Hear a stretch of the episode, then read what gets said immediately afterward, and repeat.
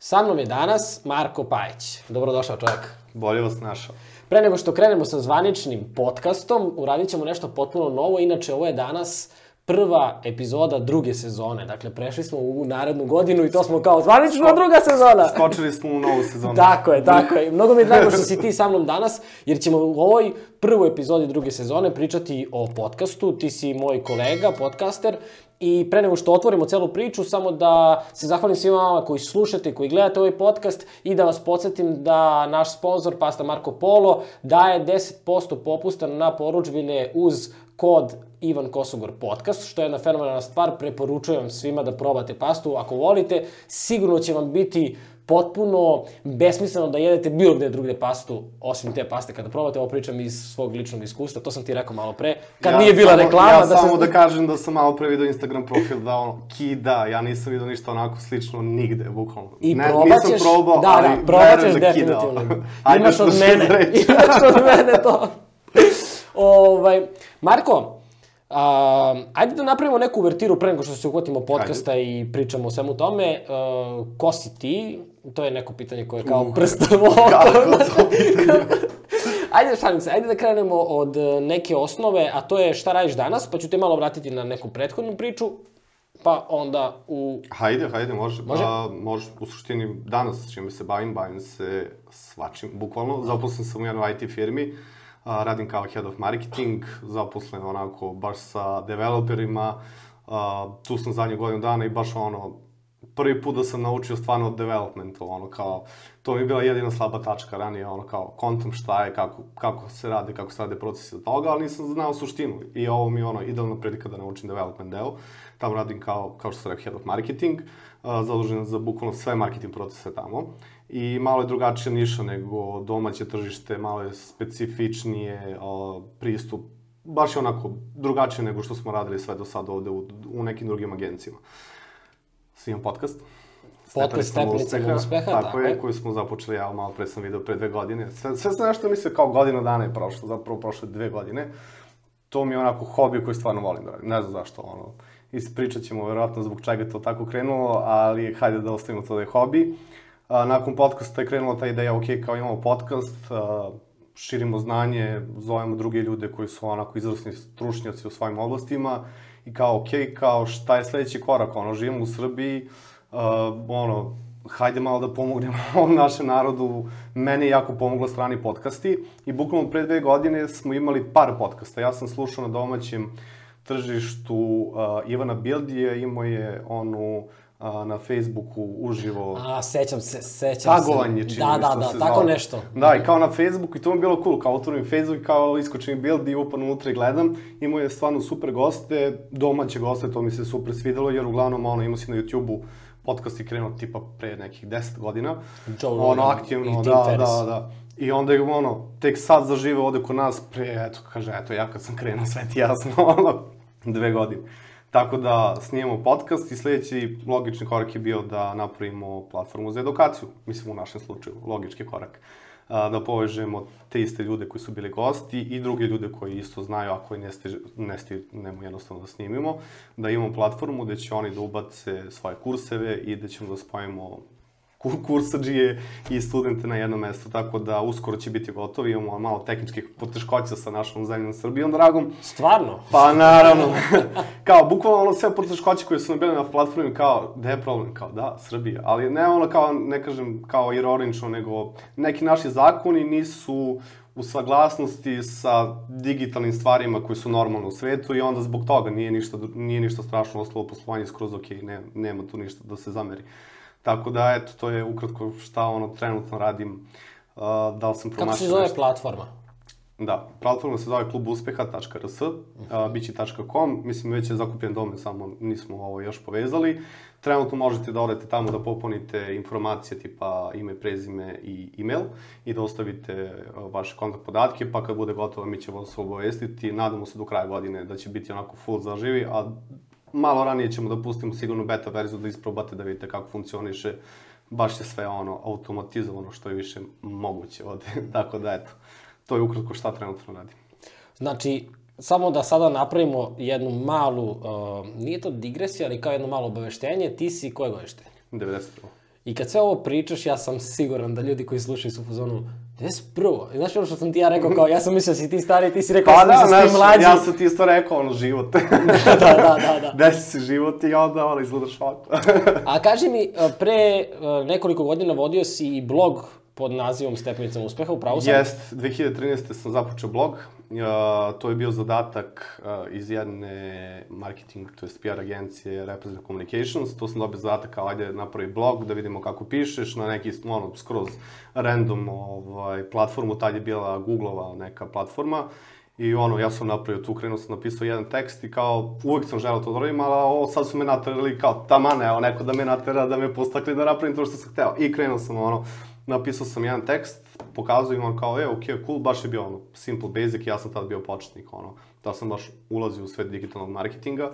I kao to je to, kao ostavio sam jedan tekst i, i namjerno sam ga ostavio jednog ga žive, još uvijek linkovao sam ga sa našeg sajta, ima onaj link, tako da to je ono gde sam počeo, kasnije, pre možda četiri, tako nešto četiri godine sigurno prošlo, sam otvorio drugi a, blog gde sam pisao internet marketingu, zvao se nešto donmarconi.com. Tu sam teo da vežbam pisanje ono i da podelim neko svoje znanje o baš Facebooku, Instagramu, to mi je ono kao prva ljubav što, što se kaže.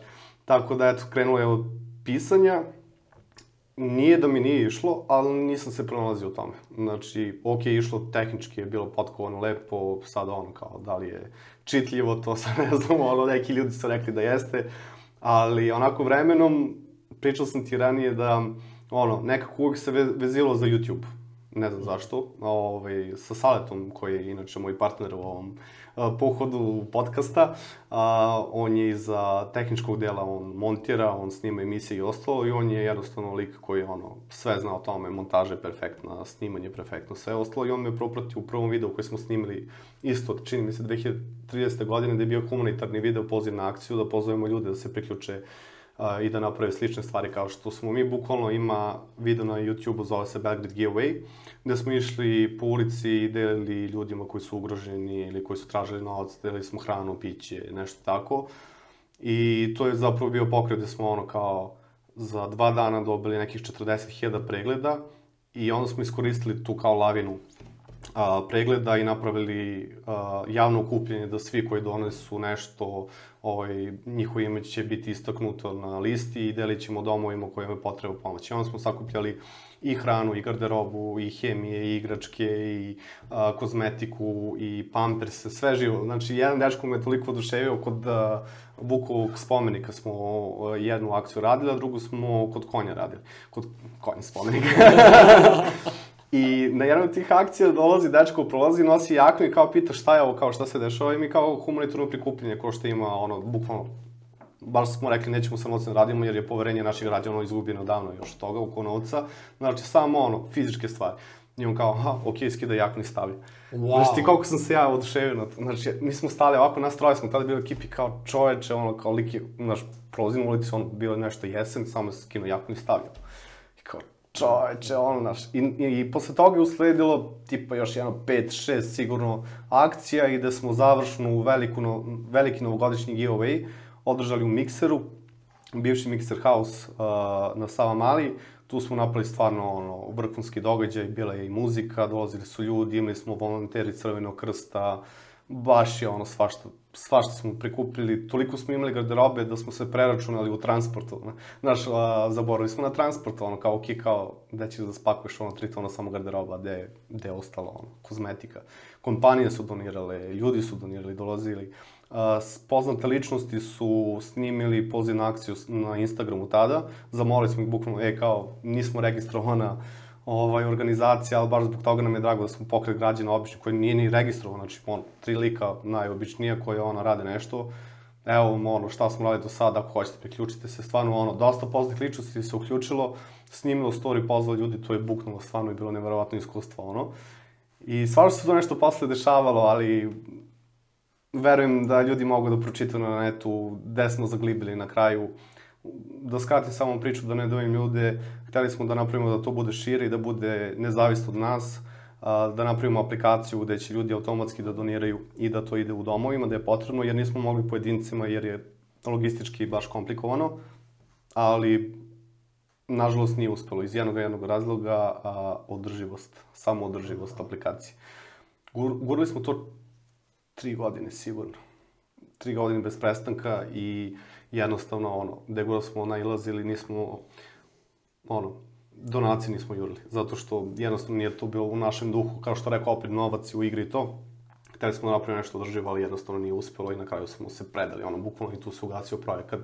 Nažalost, jako mi je žao zbog toga. S vremenom na vreme mi se skupimo, ta ekipa koja je radila mi najbliži i odnesemo ponovo te stvari i ostalo, što sakupimo, ali to je ono, više sve ono, unutar nas, I to je to, nažalost, tu se završilo, eto. Mm -hmm. Ali smo nastavili svojim putem, bože moj, naravno. A koliko si tad imao godina? Čekaj, 2013. To je... 13. Pa, tada sam bio na početku ono, same karijere, to je tipa nešto 20 i nešto godina, 21, 22, 23, 24. Kao nije uobičajeno da neko sa 22, 3 godine razmišlja, e, ajde da organizujem humor. Ja sam ti rekao malo pre kad smo pričali ispred, ja sam ti rekao kao, ja sam to uradio sasvim slučajno, mislim da je bilo 2012. kad sam dobio otkaz, ja sam radio kao barmen i kao ne treba na više radnici, tamo me se meni uklapalo, treba da krenem na fakultet i tako dalje.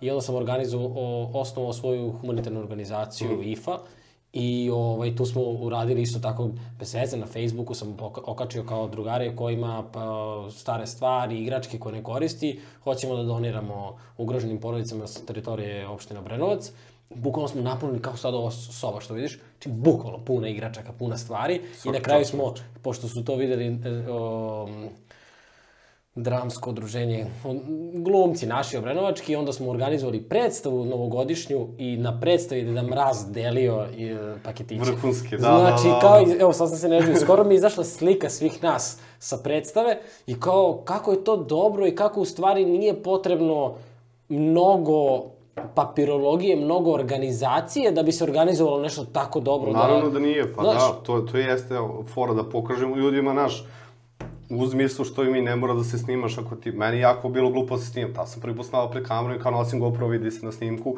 nosim GoPro na glavi kao neki što kažeš rudar, rudar bukvalno. nosim ono pizza ovoliko i dolazi ispred ljudi ono preplašen, još neko osvetljenje malo, znaš kao, skroz mi bilo glupo osjećaj. I ono, posle toga naš, uh, usledila medijska kampanja, pozdrav nas mediji, svi živi. I kao, vi radite to samo zbog self-promotion, ono, kao varijante.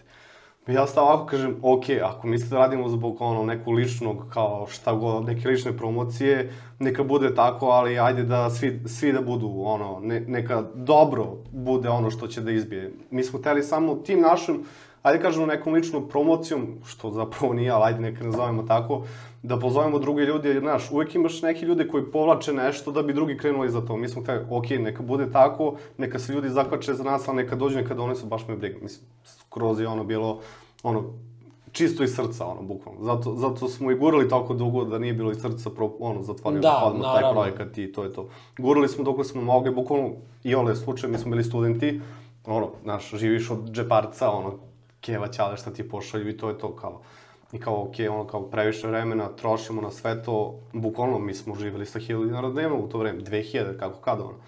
I kao jednostavno moralo se završi da ono započnemo karijeru da radimo. A to stoji na stand-by-u ili taj projekat ili sad mi je jako zanimljivo što nismo samo pričali. Samo kao ideja je živo, ovaj, samo kao ideja. Bukvalno. Dobro, nikad ne znaš šta će napraviti, ono mislim Ja se nadam jednog dana da ću da. imati vremena i da se ponovo bacim u stvari koje me ispunjavaju onako bar skroz, ali trenutno, ono, kažem i više sam nego zauzet sa ovim stvarima, ali, kažem, sa drugarima, tim kojim smo organizovali, dalje mi odnesemo, ono, nažalost, tri, četiri puta godišnje, ne, mislim, niti ja imam toliko stvari da dam, ja, ono, pokupim neke stvari, ja sam inače iz Smedereva, pokupim neke stvari iz Smedereva koje sam imao, Borazar isto, ono, pošalje, on je isto u Smederevu, i jednostavno, trudimo se koliko možemo.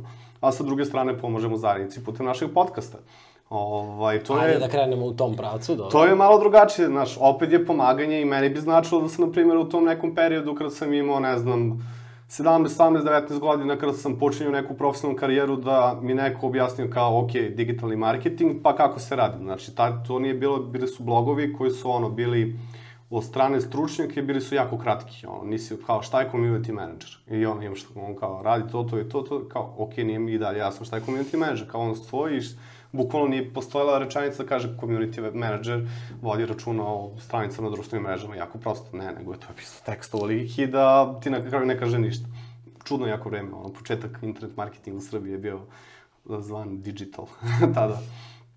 Tako da je bilo veselo, ono, svakako. I, ono, podcast je se izrodio na kraju. svega. Podcast o stepenicama uspeha, samo ime kaže, priča o uspehu. Ali ono što mene zanima jeste da je stepenicama uspeha i bio blog 2013. Zašto uspeh od samog početka? Šta je to što te Pa fascinira? ne znam da li krenemo od samog početka, ono, ubit ćemo ljude ovde. Kao 17 sati kasnije. Da, da, da. I stepenicama uspeha prva epizoda. Ima to uče jako velike korene ono, Aha. u mom životu. Uh, mo, dolazim, mislim ukratko, dolazim iz porodice koja je ono, preduzetnička, bukvalno. Ono, otac, deda, njegov deda, svi su bili onako preduzetničkog tipa, nije tu su bili neki biznisi, neki ogromni, ali ono, jednostavno tako sam, ono, tu sam se rodio, tako sam odrastao. I ono što kaže, niko nije živo od poštenog rada da radi za neku firmu i ostalo, uvijek su nešto gurali svoje, padali, ustajali. A, Dobro, pošten rad je i preduzetništvo. Da, kako Za mislim ove- to ove da, dobro, nisam, loše sam se izrazio, pravo si, ovaj, kod nas, kod nas to ima malo dru- drugačiju konotaciju. U suštini, pošto rad kao radiš za, ne, za nekog drugog, ne da radiš kriminalne stvari. Ovaj, u suštini, otac je bio onako preduzetnik i on je stvarno napravio super uspeh kad sam ja bio klinac negde, pre srednje škole, imao je 3-4 radnje računara, a, računarske opreme, to je išlo super, brzo je rastao, brzo je propao. Nakon toga i bukvalno nismo uspeli da napravimo ono comeback kao porodica posle tog pada, ono baš je bilo hardcore, ono. A, vreme krize 2008. Tad je otvorio sve žive radnje, ono, mnogo je rastao, nije predvideo krizu, sve ono otišlo dođe, ono, bukvalno. I onako, ja krenuo u srednju školu, znaš, i onda smo krenuli, a, otac uvek je čitao knjige, znači uvek je čitao knjige, kad god je imao slobodno vreme, uveče legne, ono stavi naočare i čita i kad ga pita kao, dobro, sine, ure, samo malo, znaš, šta ti ima slobodno vremena, pa ono. I ja sam tad igrao WoW, World of Warcraft. Stvarno? da, ja sam razbijao to, znači srednja škola, šta drugo radiš, klinac, ono, znaš, kao. I, a, dok sam kao u školi, je, je, odem prva smena, na primjer, u školu, a, posle škole odmah odem u radnju računara, tu su mi ušli momci izrasni, a, bili su serviseri računara, i tu dođem i učim. Ja sam obožavao računare, bukvalno. I dođem ono kod ćaleta posle škole, radim tu ono, čak jedno vreme sam, od druge strane sam krenuo ja da vodim celu smenu. Naučio sam, stvarno me interesovalo to računare, držimo prosto kad ti računar zove, ja znam gde je problem.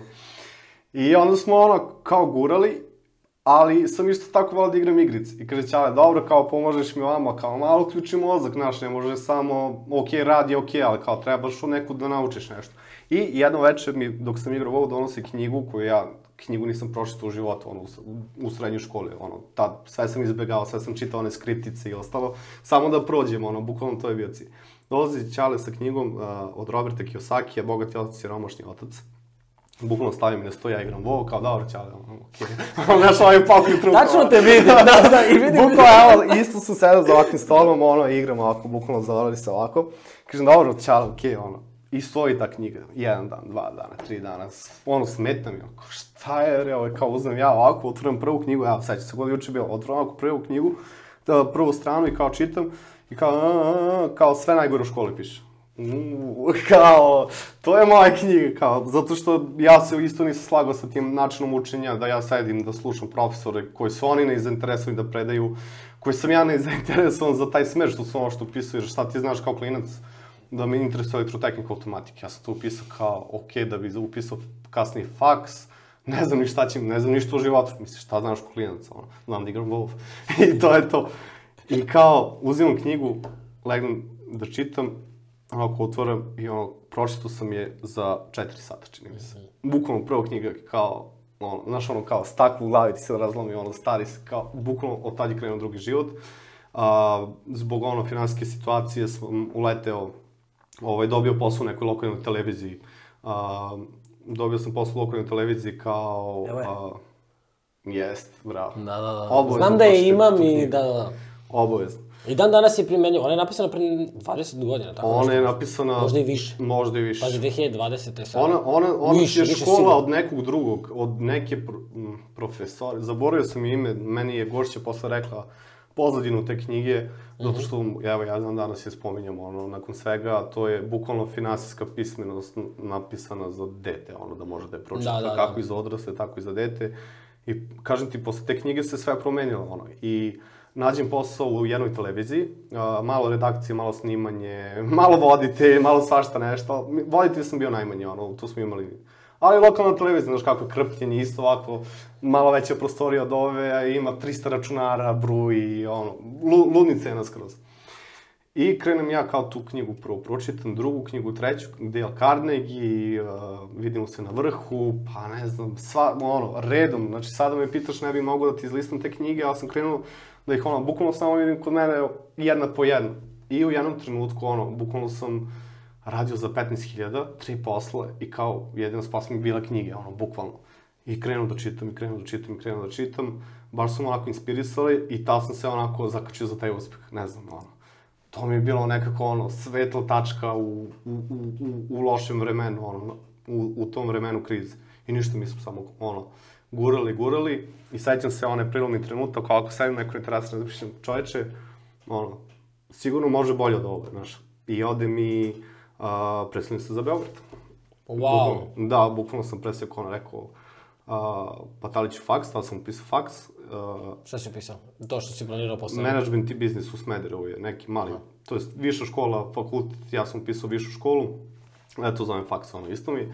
Bukvalno, interesuje me marketing i, i interesuje me kreativnost, stvarno. I ono kao, probijaš se, ne znaš se klinac, kao, interesuje me ovo, interesuje me ovo, ono, radio sam rap ranije, to nisam spomenuo, ono, bio sam reper.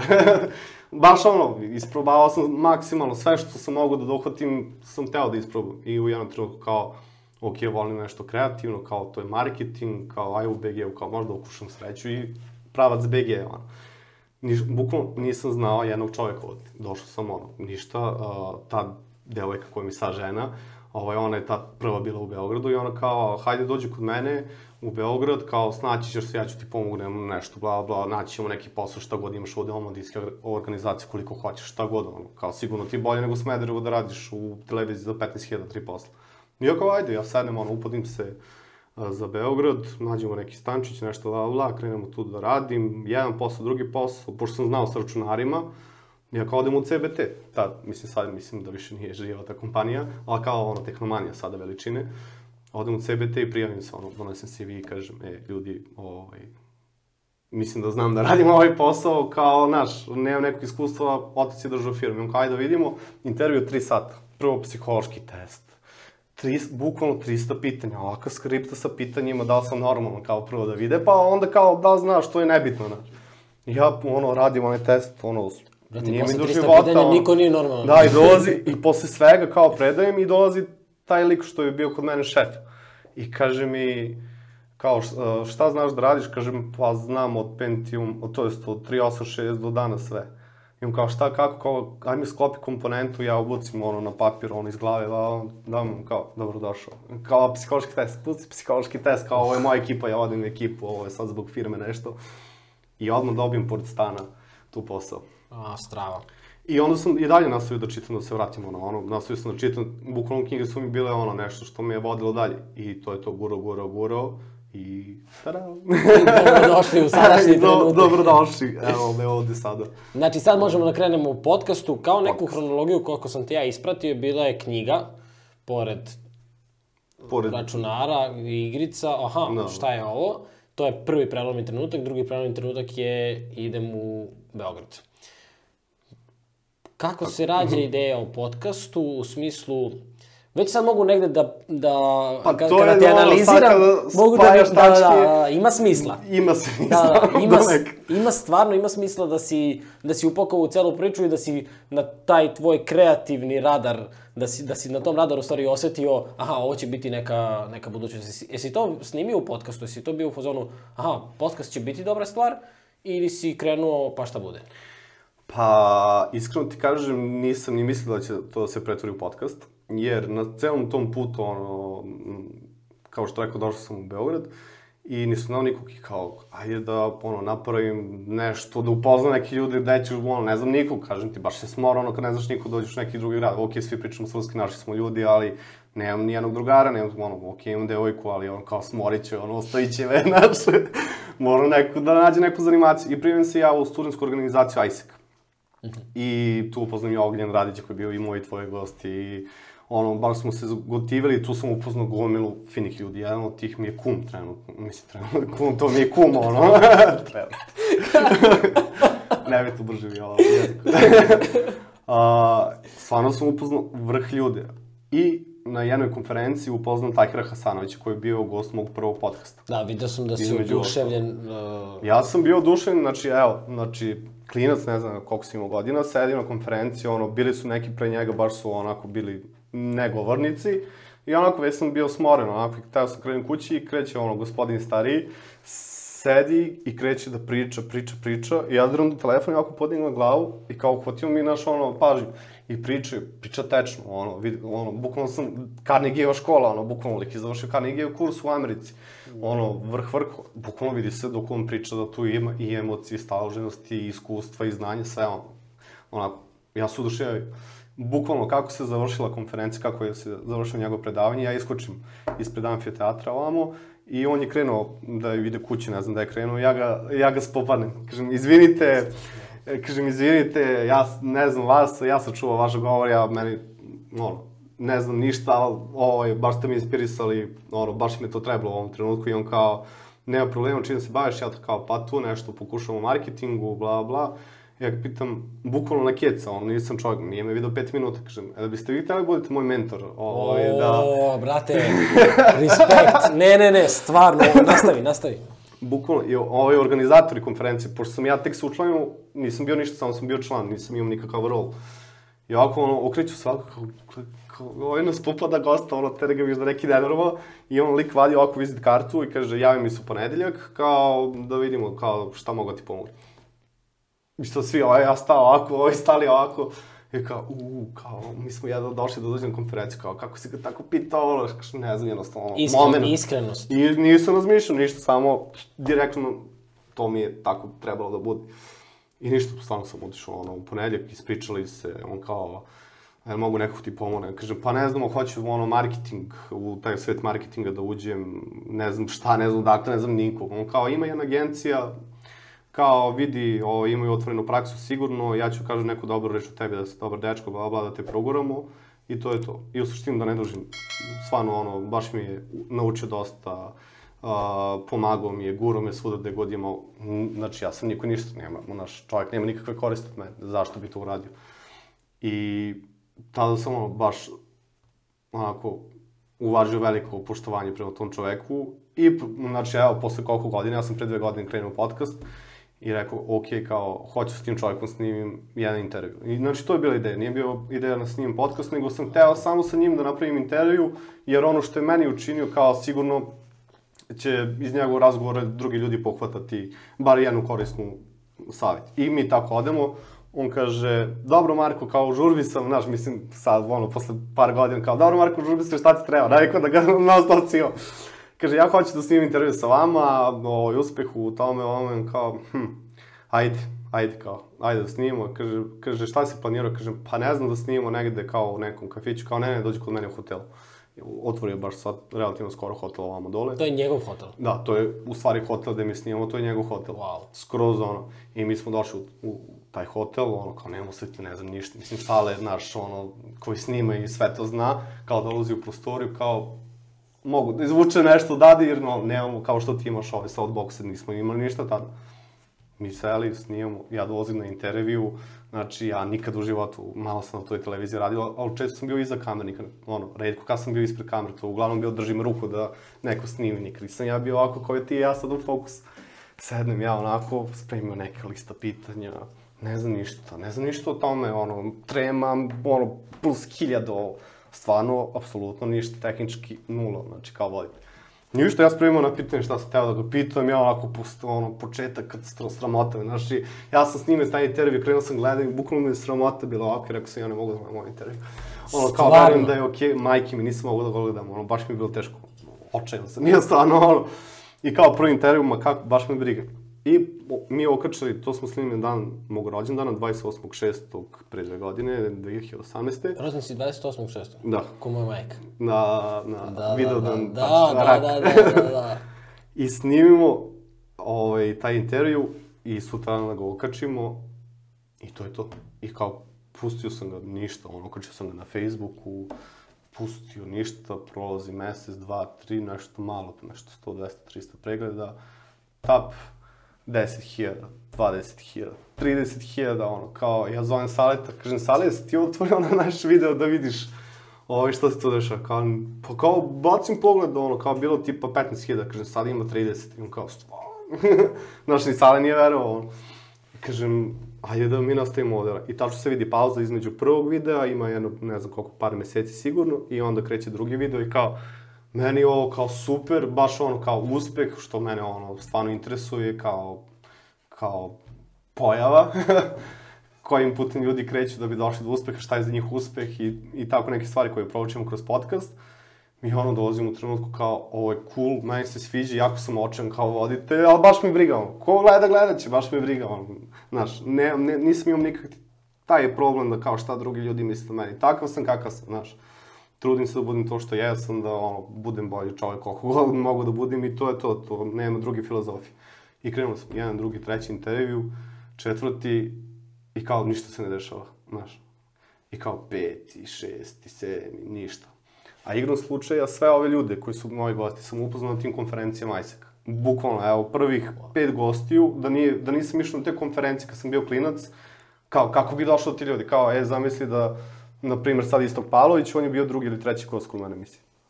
I zamisli sad zovem Istoka Pavlovića, ja ko me ne zna niko, ko imam nula followera, ko, ko me niko ne zna kako, kako bi došao kod tebe emisiju, ne, ne bi sigurno došao. Ono. Mislim, bez obzira, znaš, jednostavno, nemaš taj autoritet, nemaš nikakvu vezu sa tim kako da ti ljudi veruju. Ja sam Istoka čekao par meseci. Isto tako, nisam ga znao, da, Da. smo se upoznali preko, Ali o tome ti preko pričam, drugačije bi mentora. bilo da si se Jeste, znao. da, da, da. Da, da, razumem te skroz. I? Ja Istoko Pavlića nisam poznavao ovako. Znaš ono, kad odeš na konferenciju, pa zapamtite neku, pa na Facebooku možda neki put naleteo na, mo, mo, čak mislim da se ga smaro nešto, da mi pomogne jednom i stvarno mi ispoštovao, napisao mi nešto, ono, a, bukvalno ono, straight to the point, napisao jedno par rečenica, gotovo. Istokovao te. Da, da, bukvalno, Da. ali hvala mu što mi odgovori, mislim. Da, I stvarno. ja se setim tog trenutka kao, koga da zovem čoveče, ono, znaš, kao, nije on kao Istok Pavlović, kao ajde, naravno. I onda sam krenuo redu kao, ok, Ivana Bildija pratim, pratim toga, toga, toga, toga, toga. Um, Ivan Minić. Znači, Ivan Minić mi je toliko pomogao čovjek da je ono... Da, veliki, veliki pozdrav za njega. To Stvarno, je... svaka čast. Da, Mislim, ja, ja ga pozdravim u svaku moju emisiji, kaže, je te podcast pojačalo isto. Da, Naravno, ono, to je čovjek koji je pomogao toliko našoj zajednici, ne, više nego, ne znam, ono, država, definitivno. Ja sam u jednom bio u nekom trenutku poslao kad smo tu aplikaciju hteli da lansiramo, pre nego što ćemo da lansiramo, ono, prvu, prvu verziju, kao ajde odem kod čoveka, sigurno će da, ono, on voli da ti kaže na valja, ne valja, loše, krš, briši, zaboravi, sve. On ti kaže kako jest, kako on misli da jest. Ja odem kod njega, on sve je dobro, sve je dobro, biznis model će da se ugasi, nemate biznis model, udrživost, tako idete kod investitora, oni to prvo gledaju, nemate šanse. I stvarno tako bilo, mi zapalimo Bugarsku, dobijemo neki fast track za investiciju i one kao, pa kao okej, okay, ali kao mi smo investitori, mora da idete povratak investicije, bar održivost, bla, bla, bla, bla, bla, i onda je, znaš, kao sve to bilo.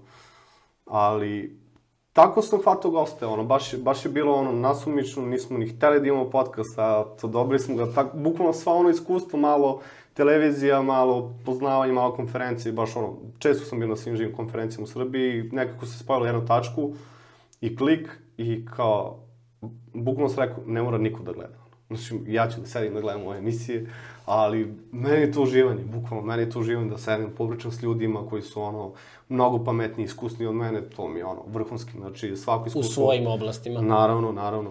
I od svakog naučiš po nešto. Definitivno, znači koliko god, evo sad da kažem, ja sam senior u marketingu. Znači, što si više, ono, te kontaš koliko još možeš da naučiš. Pogotovo kod, od drugih ljudi koji su još duže od tebe. Znači, Istok Pavlović, ako sam ja 7 godina, on je možda, ne znam, ono, 15, 14, ne znam ja kad je on krenuo da se bavi tim.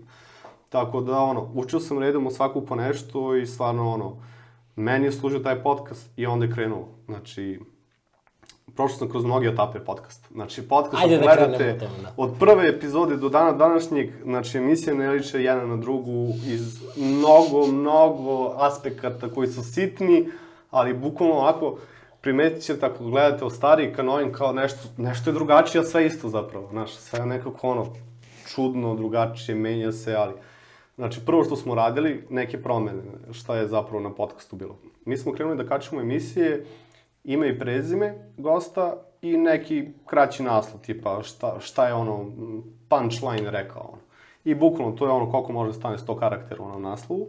I to je bilo to i ja sam neke thumbnailove pravio u Canvi, to je bože, sačuo neki dizajn, baš, a, ono, znaš koliko mi bilo briga, ali iskreno ti kažem.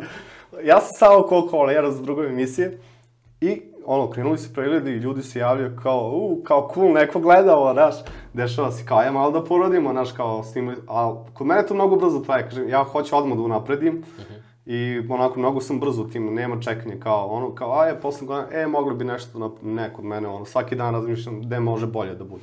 I onda smo krenuli, aj prvo thumbnail, to mi je najlakše. Znači, opet isto dizajn, opet mora da sedim da pravim one sličice, one naslovne fotografije na YouTube-u, što to će da se vide, i kao idem, klik, klik, klik, klik, jedan, drugi put, treći put malo je bolje, četvrti put malo je bolje, i tako sam ono, da kao, ma zabatali, sad ću zovem dizajner.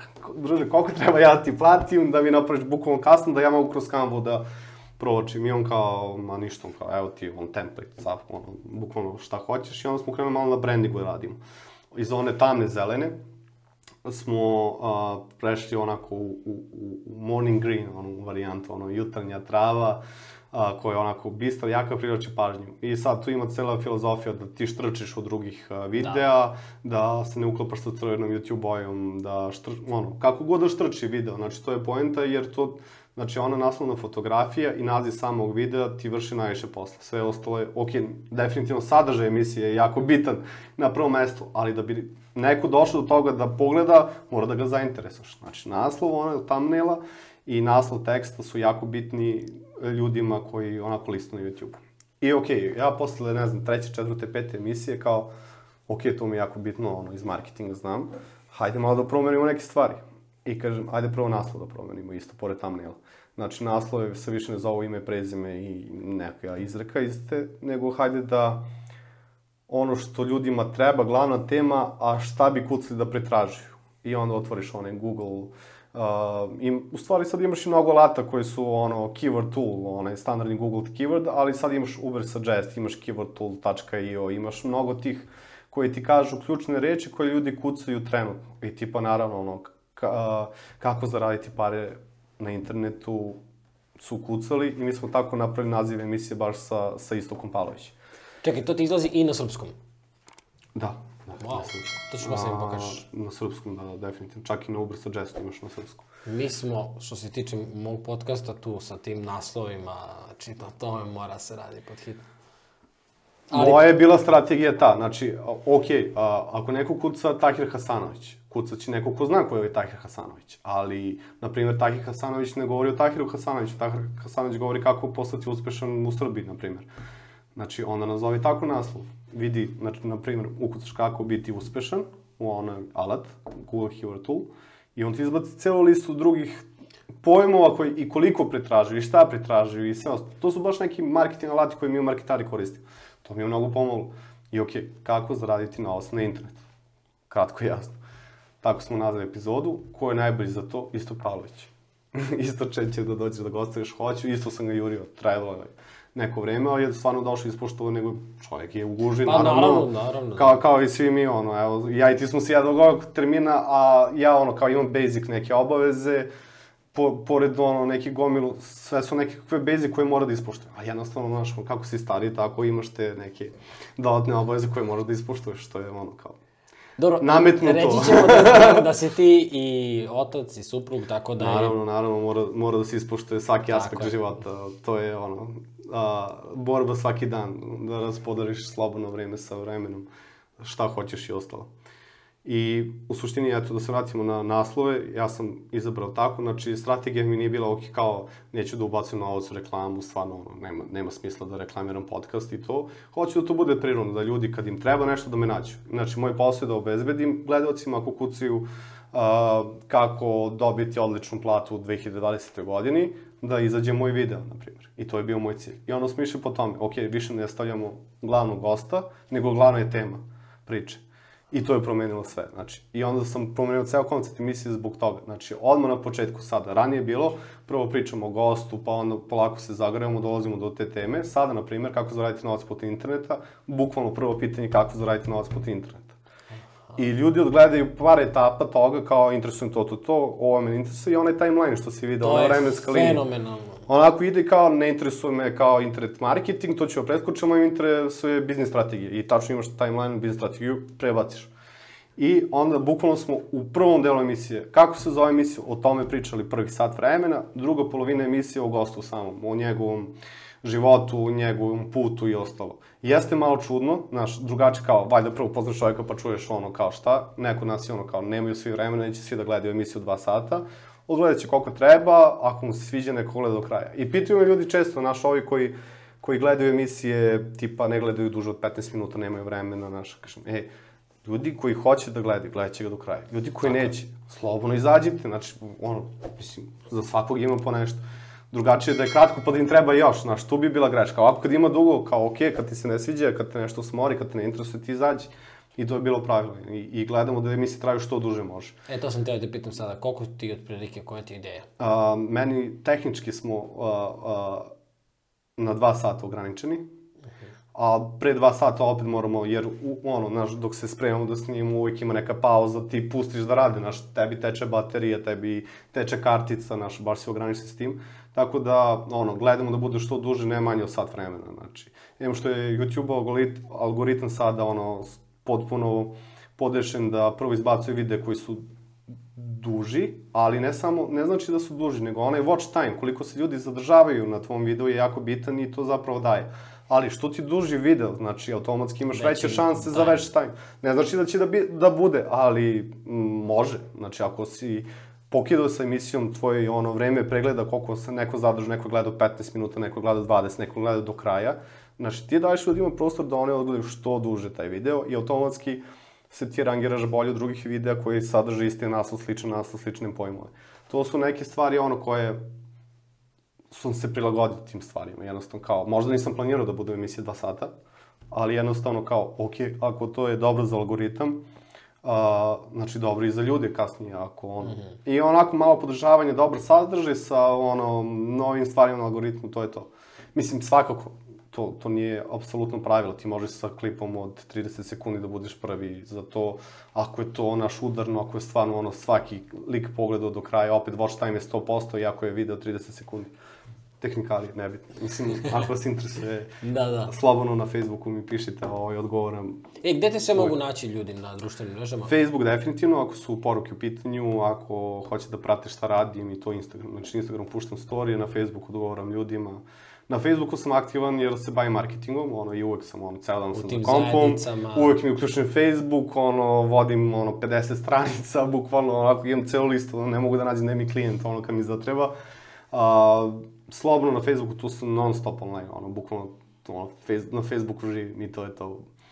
A, šta je još bitno kod ovih videa? A, da. Pored ono Kada naslovne dove- fotografije, Izvini, kada dovedeš voditelja u, u emisiju i Ja sam sam sebi postavi pitanje, da, šta je još bitno? Aha, da, nastavit ćemo. ne moram mi još e, pitanje. idem ja, vraćam se, ali ti nastavi. Ajde, ajde, sad ću. Ćao. Kako ste?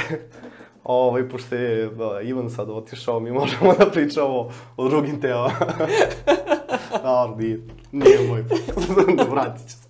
Nema problema. Šalim se, nastavi, nastavi stvarno, dobra je, dobra je tema. A, ništa, čisto ljudima olakšam, pošto pričamo o podcastu, verujem da ih interesuje to. A, opis videa. A, opis videa je ograničen na 5000 karaktera, znači to je ogroman broj, ako napišeš blog post u njemu i stvarno nema potrebe toliko. Ali šta je bitno? Da odmah na početku videa napišeš nešto slično što se, kako se naziva tvoj video. Znači da to bude relevantno, da ne bude u, u gore u videu pišeš kako zaraditi novac preko interneta, a dole pišemo ono kako se hekla, kako se kuva ostalo. Znači da, da cela taj komplet daje jednu sliku da ti pričaš o tome, da ti naslovna fotografija sadrži tu ključnu reč, znači to je jako bitno, i ne mora da se zove isto kao ceo video. Naprimer, a, kako biti uh, uspešan u internet marketingu, ti ne možeš da staviš na, na, na olicni prozorčik kad neko gleda na telefonu da pročita. Znači, to ti je jako bitno da na thumbnailu se vide dve, tri reči koje su ključne za to. Naprimer, Internet a, marketing tu, a? internet marketing. Uh, naprimer, sa Gligorićem sam pričao internet prodaja na malo drugačiji način. Internet prodaja, uvijek. Znači, kad neko i sa malim telefonima može da pročita lepo, da razume, da vidi i njegova faca sad ide. To, to nam je sad trenutni model koji će ići. Tako da, što već, znači računajte da, da, da i stariji ljudi gledaju i da su, pa gledaju sa naučnim, znači što veći fond, što, što, što jarkije, što sve, da privuče pažnju i da se zna o čemu. Ako ga ne interesuje, mislim, da bi si mu privukao pažnju ako ga to ne interesuje. Mnogo pregleda nama dolazi od recommended sadržaja. Znači, a, prvo a, dolaze zbog toga, zato što su kucali kako biti uspešan na internetu. Znači, to je prva kategorija. Druga dubina je suggested content. Oni što, što se pojavaju sa strane, preporučeni video, kao gledao sam, na primer, kod tebe na kanalu uh, Istoka Pavlovića, pa sledeći sadržaj opet tvoj iskočio, pa onda YouTube hvata algoritam i vezujete za drugi kanale koji su slični, znaš, mnogo je pametan sistem koji sve sam rangira i to je. Tako da nama tipa 26% ljudi dolazi samo od kategorije sa strane ono što im iskoči. To je jako fina brojka, to, to uopšte nije zanemarljiv broj. Tako da, a, taj prvi udar je jako bitan, thumbnail, a, naslov videa i opis videa da budu jedna kompaktna celina i da se ta ključna reč pominje minimum tri puta, znači u, u onom opisu videa. Ako je internet prodaja, staviš odmah na startu internet prodaje u opisu videa, sredini teksta danas smo pričali sa tim i tim o internet prodaji, ali gledaš da se, o, ne o internet prodaji, nego internet prodaja, baš tako da zvuči. I na kraju, i ti si svoj video upakovao da si za tu ključnu reč wow. i još ako ljudi malo gledaju krenu to, ti si sigurno među prvima u startu. Nama je, ono, svi vidi su odmah završili na prvoj strani. Instant, instant. Wow. To je optimizacija sajta, isto tako i na YouTube radi, samo što ono, malo je drugačija tehnika, ništa više. Uh, posle uh, bio mi je gost uh, Uh, pričali smo o YouTube-u, pričali smo o on mi je tek rekao kao, imaš ključne reči koje ubacuješ kao tagove one. U vidu znaš i sam kako ide. Ide tag, na primjer, internet marketing, Marko Pajić, bla, bla. E, kad završiš sa srpskim rečima, ubaciš engleske reči, iste te ključne reči.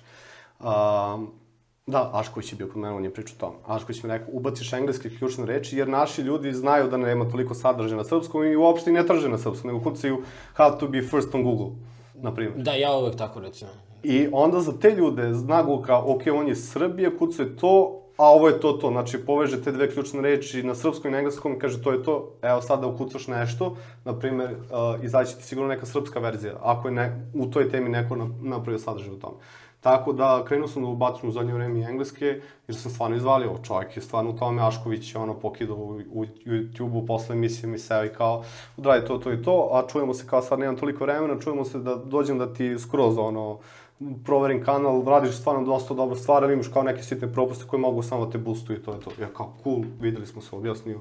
To su te neke stvari koje, ono, kao nikad mi ne bi pale na pamet.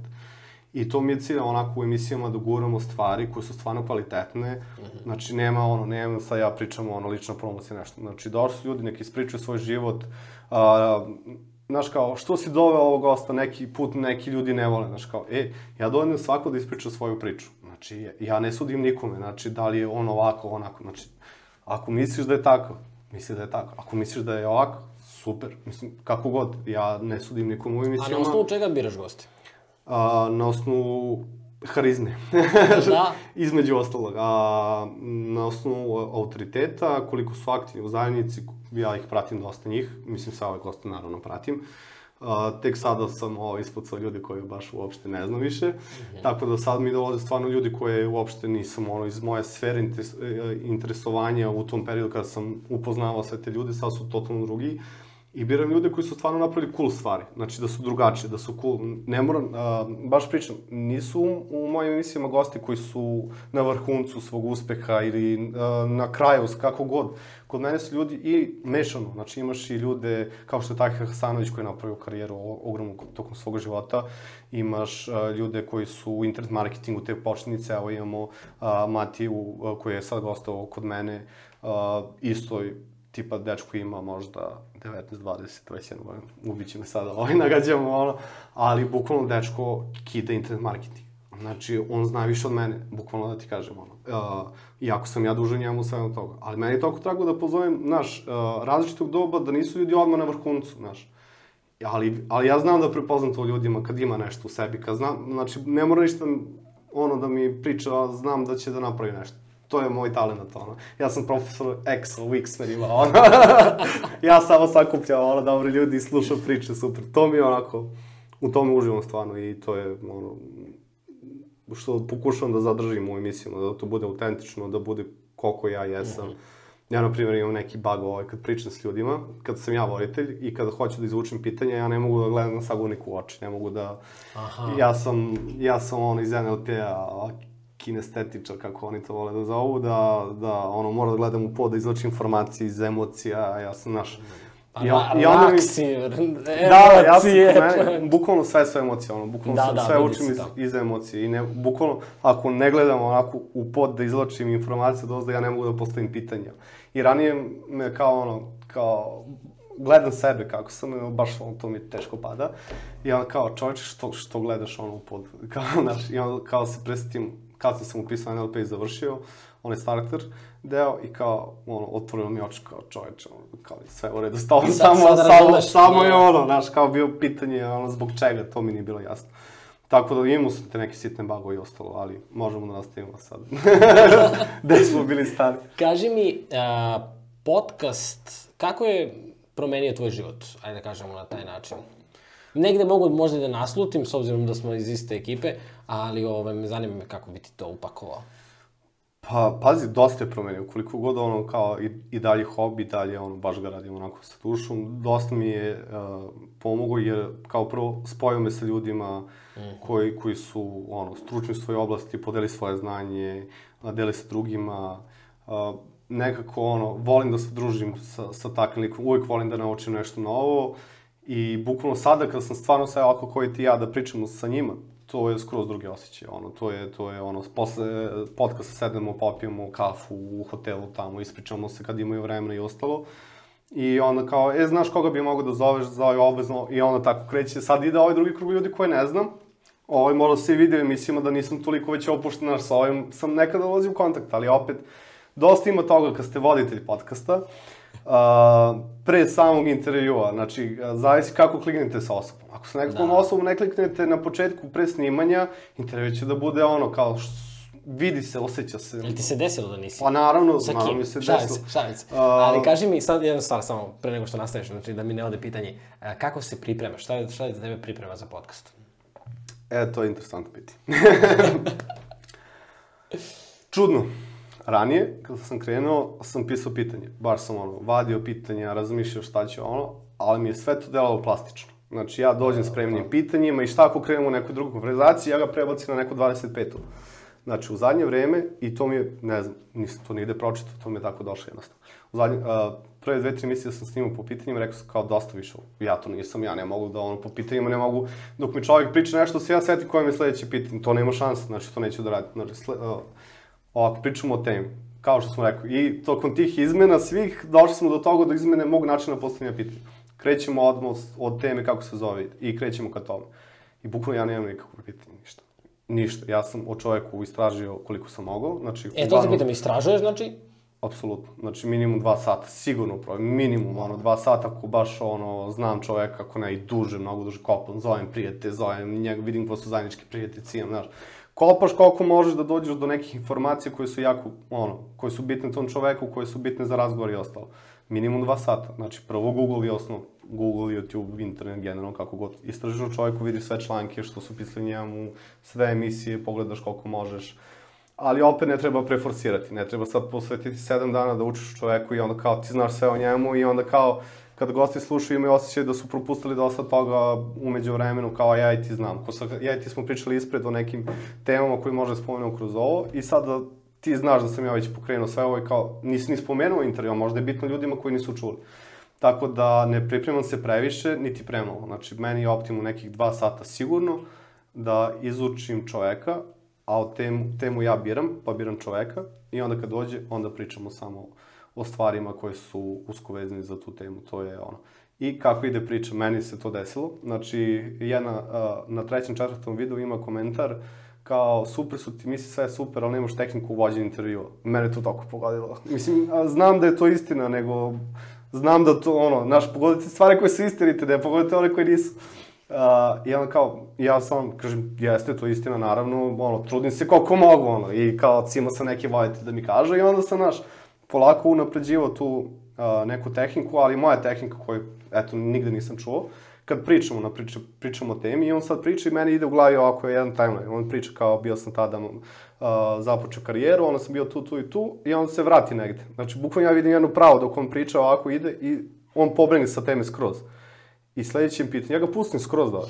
I polako ga onda postepeno vraćam na tu Aha. temu gde smo bili. I bukvalno dok, dok ljudi pričaju, meni su tu slike, onako poređene u glavi, ja sam ono tako, ono, vidim u slikama u posvesti. I stvarno se prisutno sluša. Samo jednostavno kao jedna tačkica, kao mnogo je pobegao od teme, kao vrati ga samo nazad. I druga stvar je jako bitno da slušaš sagovornika. Znači, ako je čovek rešio da se ispriča do sutra, pusti ga da se ispriča do sutra, to je moje pravilo u podcastu, jer, ne znam, to jako cenim ono, da pričaju ljudi što, što im je na duši, što žele da podele, to je onako baš super stvar. Tako da, ono, slušanje sagovornika... da su neki ljudi u podcastu, recimo, to sam ja primetio, možda i prvi put saslušani? Bukvalno, da. Meni se desila, na primjer, jako neprijatna situacija koju ja nisam znao tada ishendla. Uh mhm. -huh. Gost je pričao o nekoj upipljivoj temi, baš ga je ono pogodila. I umesto kao da nastavim ti put, ali blago, ja sam samo promenio temu. Zato što sam video da, ono, kao, mm -hmm. kao šta, kako ja da se, kako da izvučem posle tu sledeću situaciju, kako da ga... Znaš, tu su neki sitni tehnikali koje naučiš tokom vremena da ne treba Iskusni, ga prek... Da. Naravno, mislim, ono, treba pustiti čovjeka da završi, da ispriča misao, da ono, i tek onda ga kasnije usmeriti na ono što je kao tema emisije, naravno.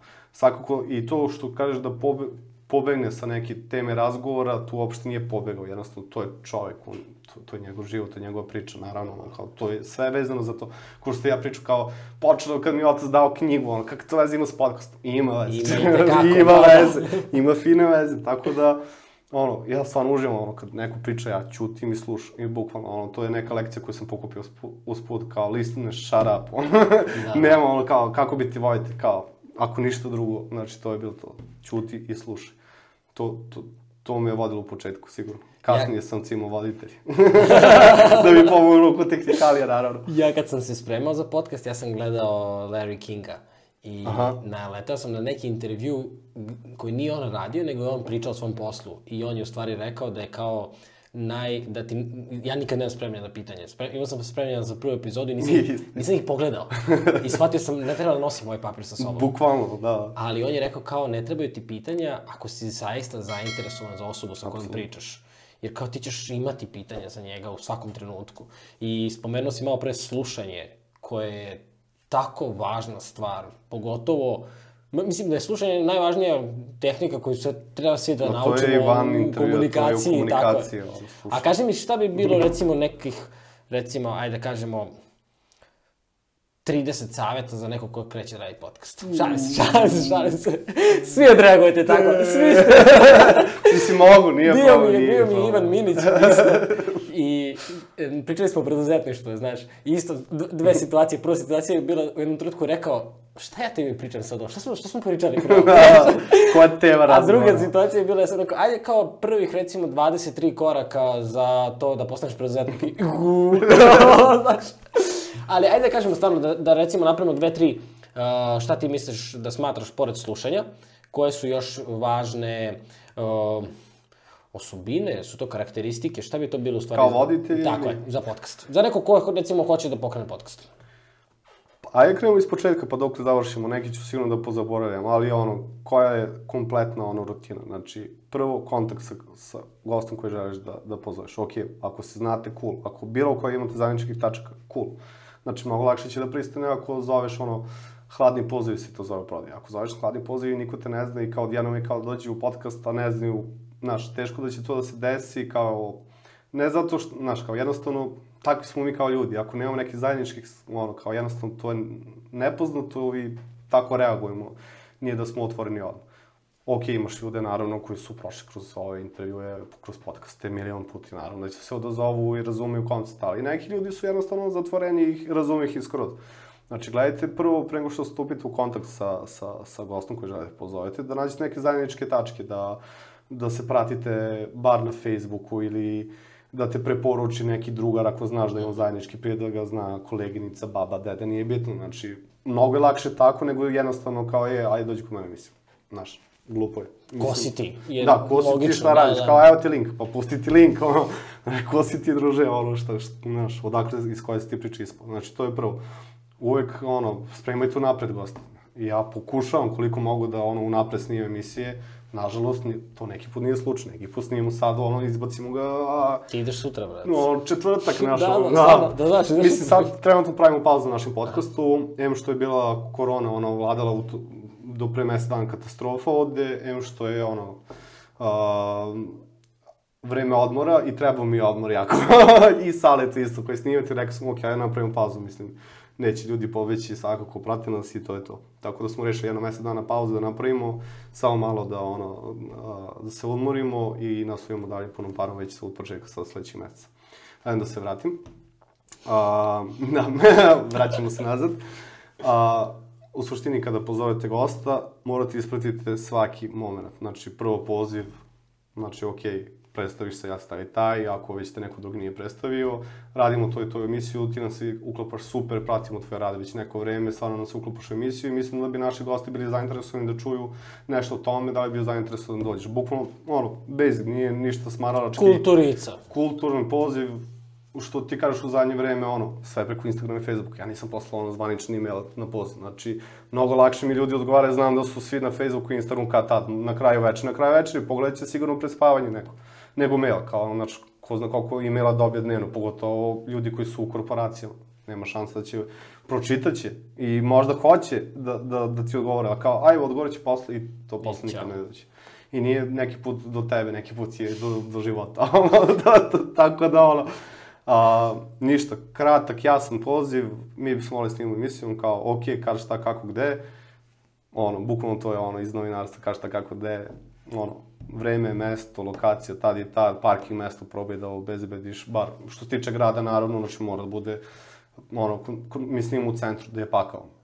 Igrom slučaja je to hotel, pa ima svoj parking, pa neki put zamolimo, kad, je, kad nije tolika gužva da se oslobodi parking mesto, naravno, znači moraš da, da, da napraviš to, taj doživljaj gostu koji dolazi apsolutno da bude ono, kao da si domaćin, znači ti nisi, ono, voditelj misli ti si domaćin lik koji mora da ga isprati, ono, da, da bude car, ono, tvoj gost je tvoj car, ono, bukvalno dolazi i ispoštuje ga maks. Ko što si ti meni dao rakicu, Sad sam da kažem, da se ti osjećaš kao hoćeš rakicu, da može.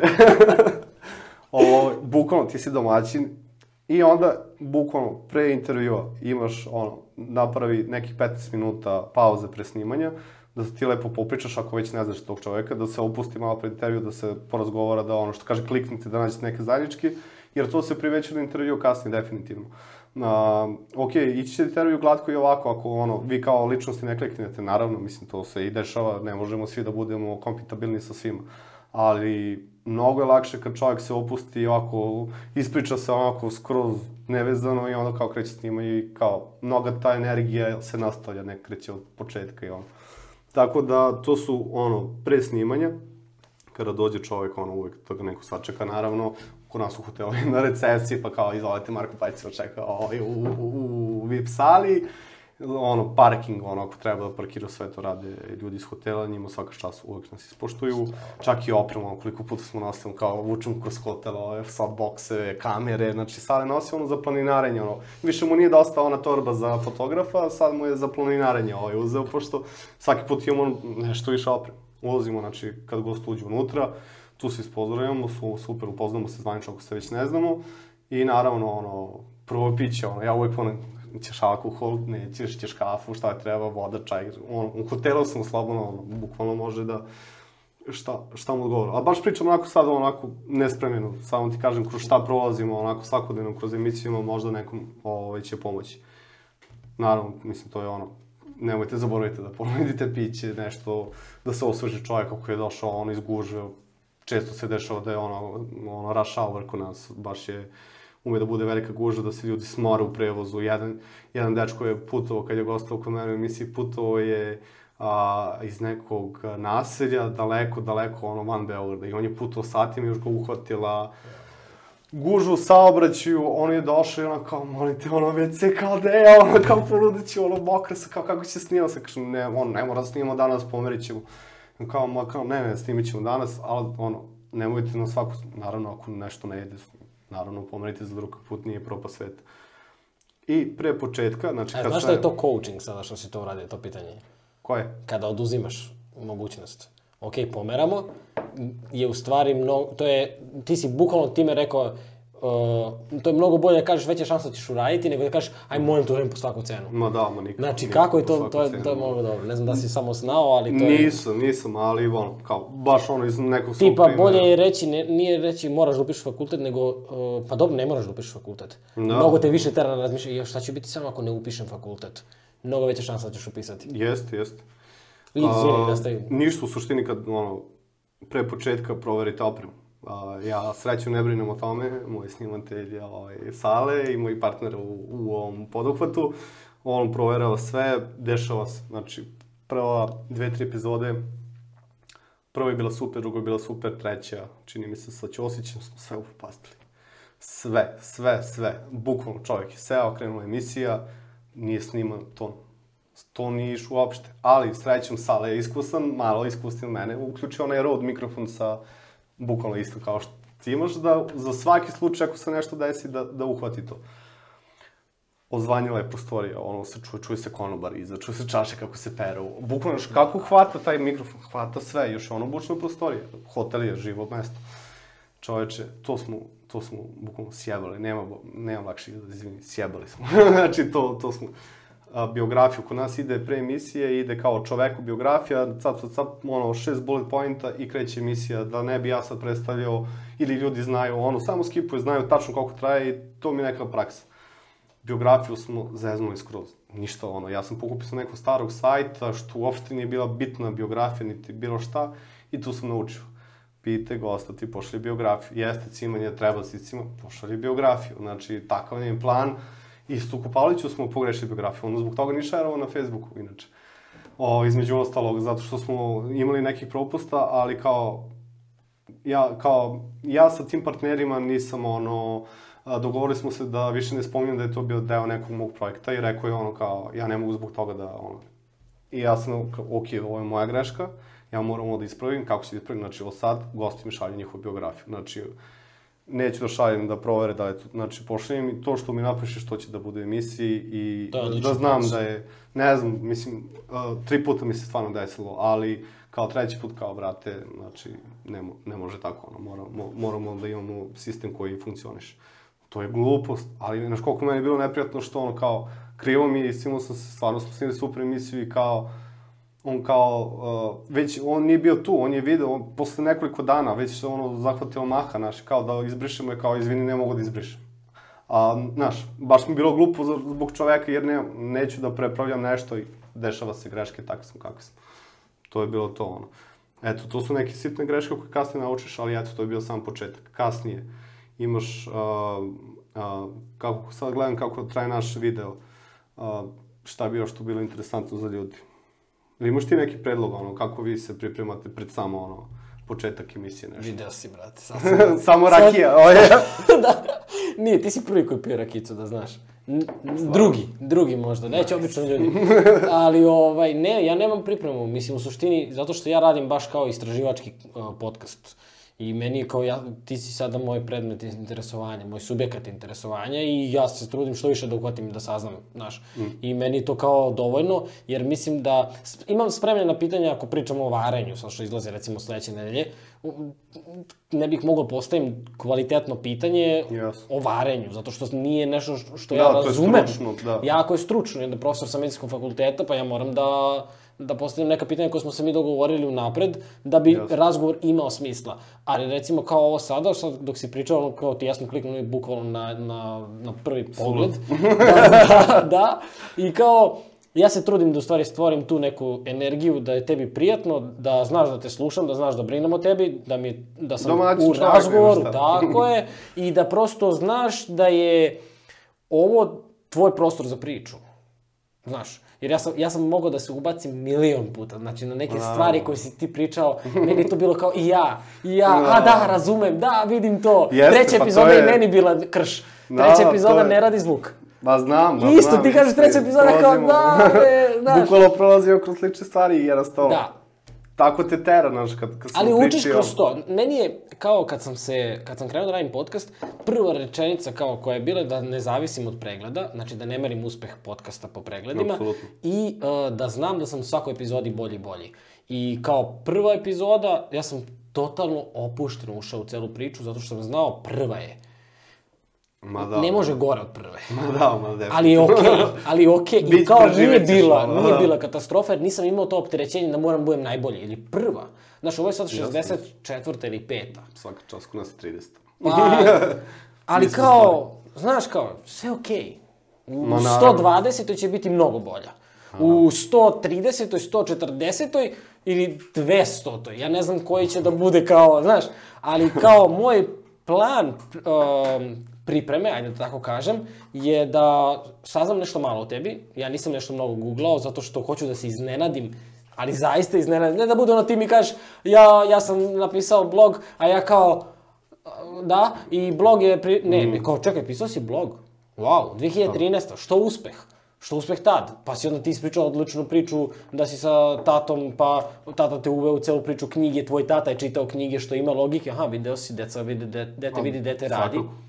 Jel me razumeš? I kao, idemo korak po korak i ja sklapam slagalicu i onda vidim, aha, wow, da, sad razumemo ovog lika malo više. Znaš, u sledećem podcastu ćemo se razumeti još više. Ma da, naravno. Jel me razumeš u kom pravcu? Ima neki logičan sled događaja koji se dešava i koji jednostavno neka škola kroz, kroz koju može da prođeš, bilo ovako ili onako, da li si pročitao, slušao nekog drugog ili si iskusio sam, školu mora da prođeš. Ako ideš tim putem, bilo koji da je to put u, ono, u životu, to je nebitno da li si ono, izabrao put za lekara, da li si podcaster, da li si marketar, da li si ono, automehaničar, svako prolazi kroz svoje boljke i zašto su meni knjige, na primjer, jako dobre.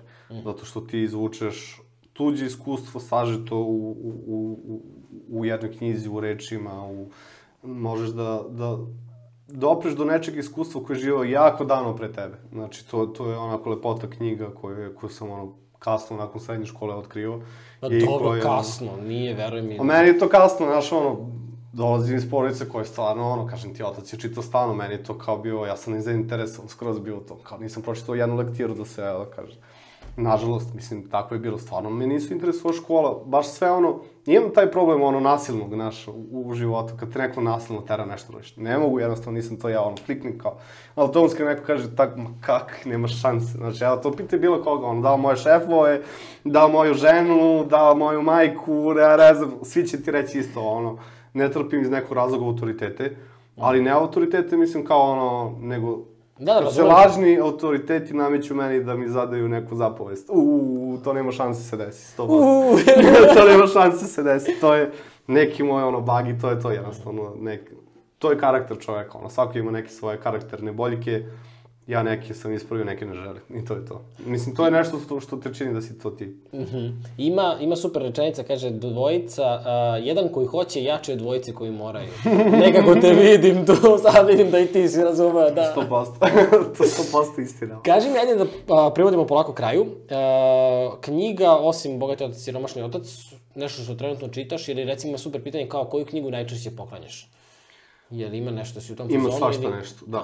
A, sad, bukvalno danas mi stigla knjiga Medvedi na putu, kupujem, prodajem. A, A, čuo sam, čuo da, sam. bukvalno, evo, poručio sam i bio pre dva dana na sajtu, bio sam sad na odmoru, došao sam skoro, ovaj, bio, teo sam pre odmora i da čitam na odmoru, međutim znam da na odmoru neću da čitam sigurno. Ovaj, tu sam ono sa ženom, detetom, ono, u prirodi smo bili, baš mi je trebalo ono, neki odmor sa porodicom, jer radnim danima sam ono, od 9 ujutru do 9-10 uveče konstantno radim, to je sigurno.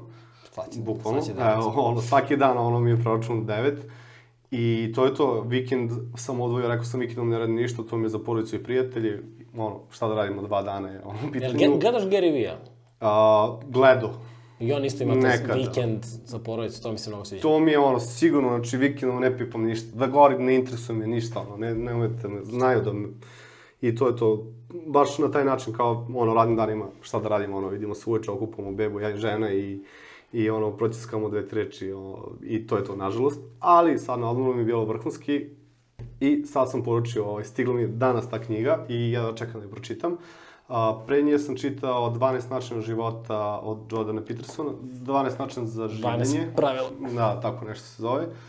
Uh, Jordan Peterson, koji je, kao, pročitao sam prvu, Bravo, to je ta. vidim, vidim ja ove tvoje knjige, dobro, da, bukvalno, mislim da sam ih većinu pročitao. Pa sigurno da jesi, sigurno da... Pa ne, a, ja sam, ja pročitam knjige i dešava se naravno da ne pročitam do kraja, jer neka mi jednostavno nije kliknula i ostalo. I sve te knjige onako polako pakujem kad nema mesta nosim za Smederevo nazad u, u kući da sam živio.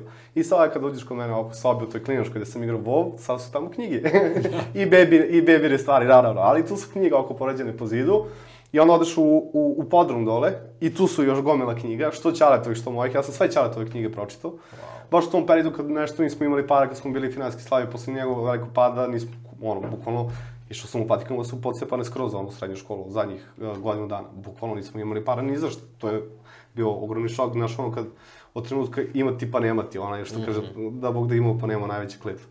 To je, to je bilo to, i onda sam uzao sve Ćaletove knjige jednostavno i čitao sam ove, neke su mi bile interesante, neke nisu, ono, uh, Misli o bogati se mi je bila kao sledeća, uh, ili neka tamo koju sam među prvima čitao.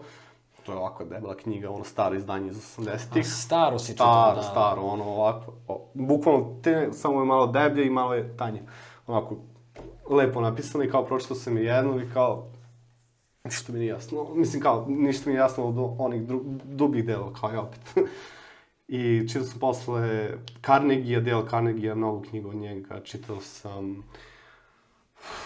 Uh, sada, evo, vraćam film. Čak sam i pročitao Gary Vee, kao, iako, kao u početku sam ga pratio baš davno kada je nešto kret, mislim, ne baš kada je kret, kad sam ga ja negde u nekom mojom sferi života krenuo da pratim, tipa, odgledao sam sigurno desetak njegovih, ono. Izašla je njegova knjiga, ovo je Crush It, uh, Da. razbijaj samo na našem se zove. I kao, ajde da kupim knjigu čisto iz respekta čoveku, ako ništa drugo, ono. Bar i, ja sam stvarno pokupio neke savjete, ako ga drugi ljudi hejte, ja sam stvarno pokupio neke savjete koji su meni značili u nekom trenutku. Ja sam kupio tu knjigu i kao krenu čitam, stvarno knjiga nije loša, stvarno, kažem, nije loša. Um, bogati otac, siromašni otac, definitivno, Aha. svakom, ono, bukvalno to bi ono, kao, a, drugarima... Bukvar.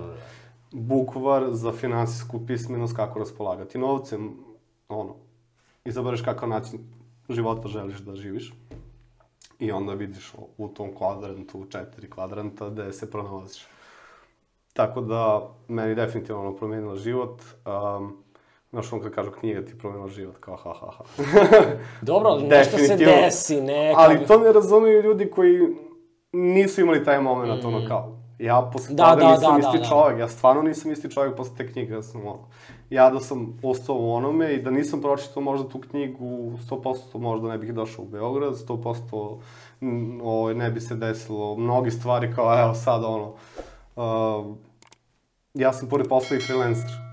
Znači, ja radim posao ovaj, i dođem kući, što kažemo, radim od 9 do 9. Ja, kad do, radim 9 do 5 ovam u firmi.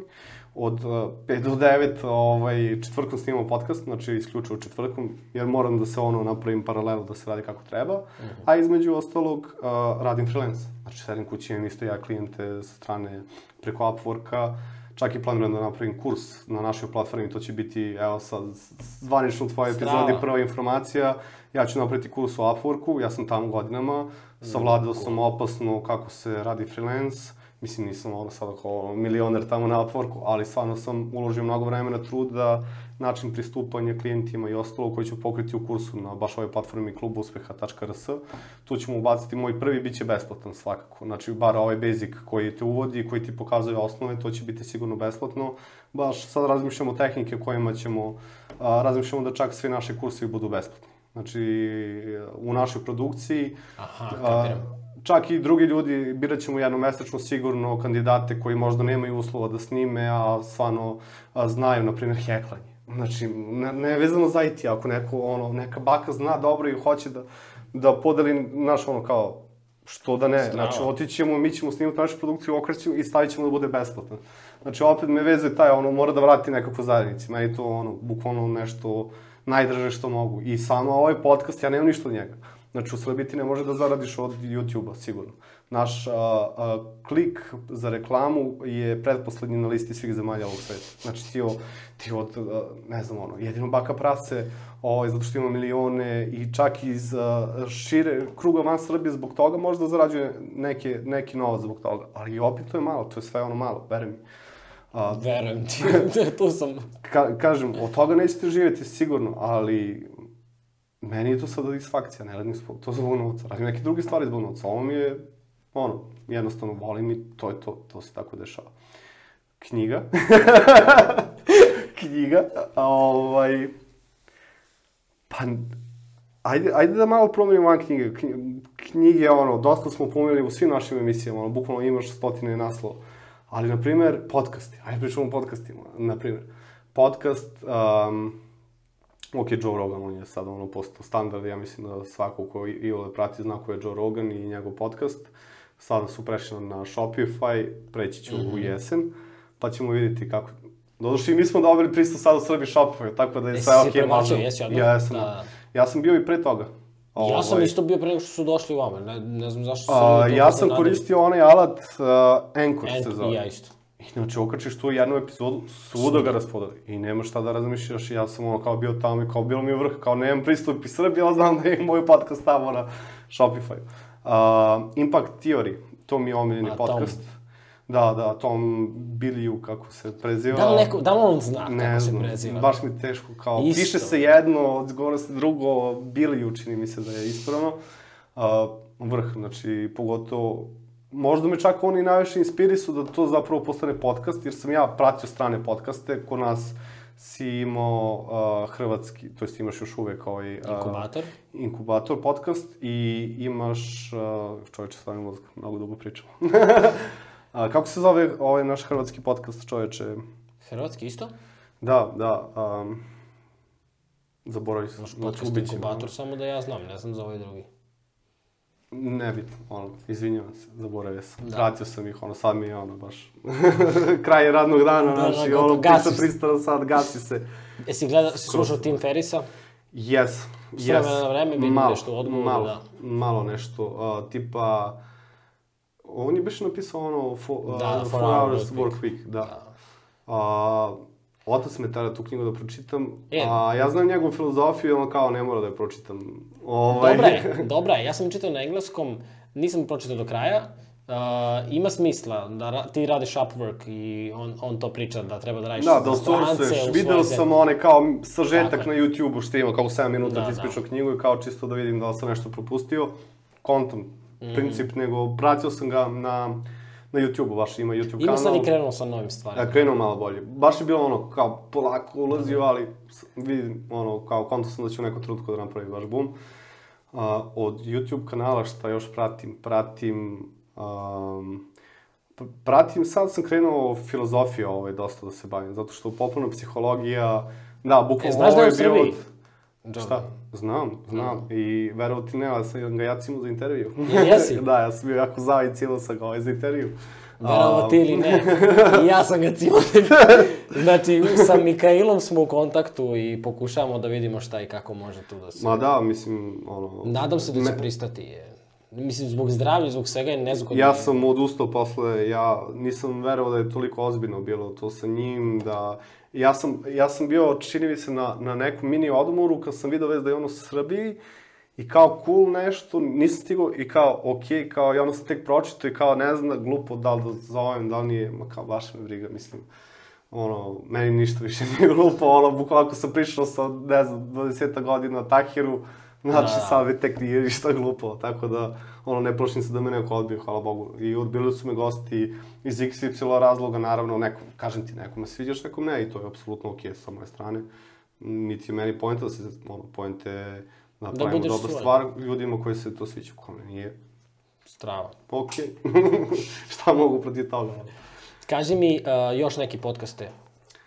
A, podcast, podcast, um, pa sad kad bi otvorio telefon, imam ono, bukvalno, a, u ovom zadnjem vremenu ništa ne pamtim. Znači, sve što je digitalno, ostaje digitalno, ono, u glavi više nema fiokica za njih, ono, mesta. A, ajde da ostavimo ovako spisak neki, ovaj, sad, Ma ne, ajde ovako ćemo da uradimo. Pošto si rekao da, da Ostavit čitaš ću kao- knjige. naravno. Ja ću ti poklonim moju prvu knjigu. A, da ti to možeš, ovo sam napisao 2015. je objavljena. U, wow. Znači 2015. to je, cela priča ide iz, vidiš kako je bila inače skroz plava, sad je malo žućkasta, Aha. zato što je u poplavi bila. Šalim se, to je bilo pre, ovo je bilo nakon, da kao, Počastvovan sam. ovo je, ovo je nakon poplave, cela priča u stvari kako se promenio moj život i zašto sam ja iz nekog, mm, pa recimo da ti kažem da sam upisao srednju školu zato što mi je najbliža, upisao sam fakultet otprilike zato što mi je tu nekako bilo kao ide moj najbolji drug, pa i ja ću, dobili smo stipendiju i sve to. Znači nešto što ne znam šta se događa u mom životu, ko sam, šta sam, i onda se dogodi poplava gde ja zapravo shvatim, okej, okay, život može da bude... To je to. Znaš. Može da bude svakako. Tako je. I onda je nastala cela priča i cela ideja je, u stvari, ova knjiga se sada, u, kada recimo uđeš u Vulkan, tamo se nađe gde je popularna psihologija.